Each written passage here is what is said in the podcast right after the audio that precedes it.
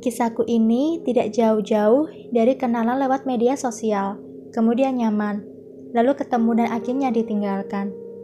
Berawal dari reply isengku di manifest, yang dia mungkin juga iseng balas, kami akhirnya kenal.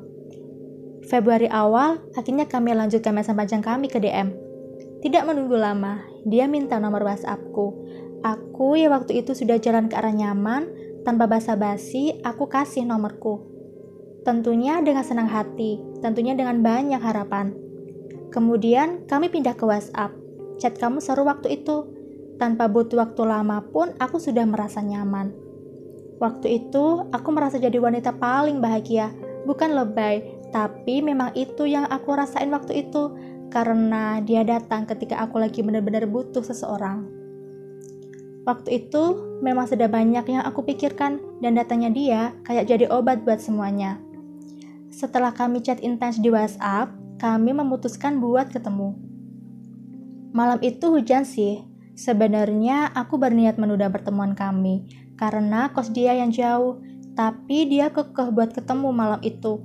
Aku senang, lebih dari senang. Saking senangnya, aku sempat tiga kali ganti outfit karena bingung harus gimana saat ketemu dia nanti. Di awal pertemuan kami, satu yang terlintas di otakku, dia lebih tampan dari fotonya. Malam itu dia lucu sekali dengan hoodie Setelah ketemu, ternyata dia lebih pendiam dari yang aku bayangkan. Jadi, aku yang mencari topik obrolan. Tapi itu bukan masalah sih. Aku yang waktu itu sudah menaruh hati, rasanya senang banget. Setiap pertemuanku dengan dia, rasanya selalu menyenangkan. Sampai akhirnya aku sadar kalau aku sudah jatuh cinta sendirian.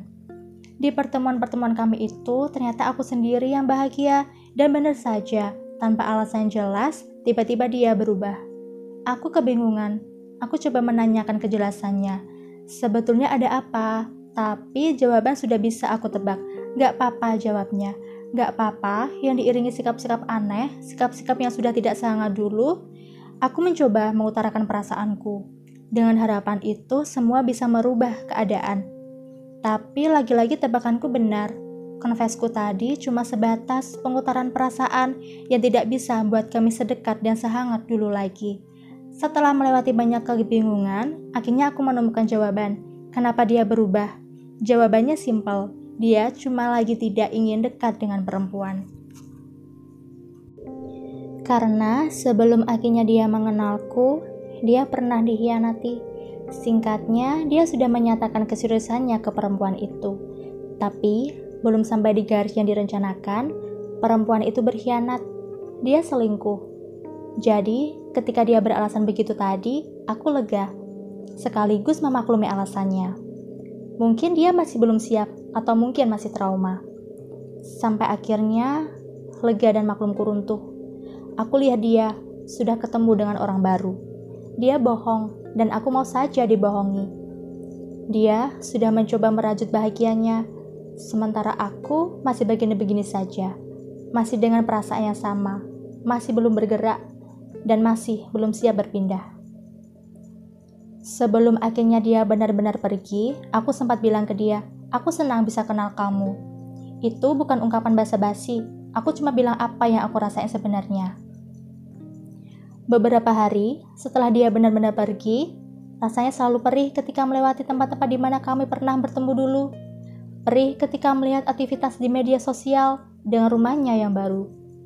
Dan pelan-pelan aku sadar, aku ini sedang menyiksa diri. Setelah berdiskusi dengan hati, akhirnya aku memutuskan mundur. Aku blokir semua sosial medianya. Mungkin bagi sebagian orang, yang aku lakukan ini kekanakan. Tapi bagiku ini proses pendewasaan. Pendewasaan di mana aku akhirnya tahu apa yang harus aku lakukan ketika hatiku merintih kesakitan. Sampai saat ini, aku sudah mulai terbiasa tanpa dia, dan hatiku mulai baik-baik saja. Aku tidak pernah membenci dia, bahkan aku senang pernah kenal sama dia. Semesta baik pernah menghadirkan dia dalam hidupku. Dari dia, aku jadi belajar apa itu mengikhlaskan, dan dari dia juga aku diberi pemahaman bahwa perasaan tidak selalu bisa terbalaskan. Yang aku tahu, di antara banyak cara jatuh cinta, jatuh cinta sendirian adalah cara yang paling menyedihkan. Di antara banyak cara nyaman, nyaman sendirian adalah cara yang paling menjenuhkan. Dan di antara banyak cara berharap, berharap sendirian adalah cara yang paling melelahkan.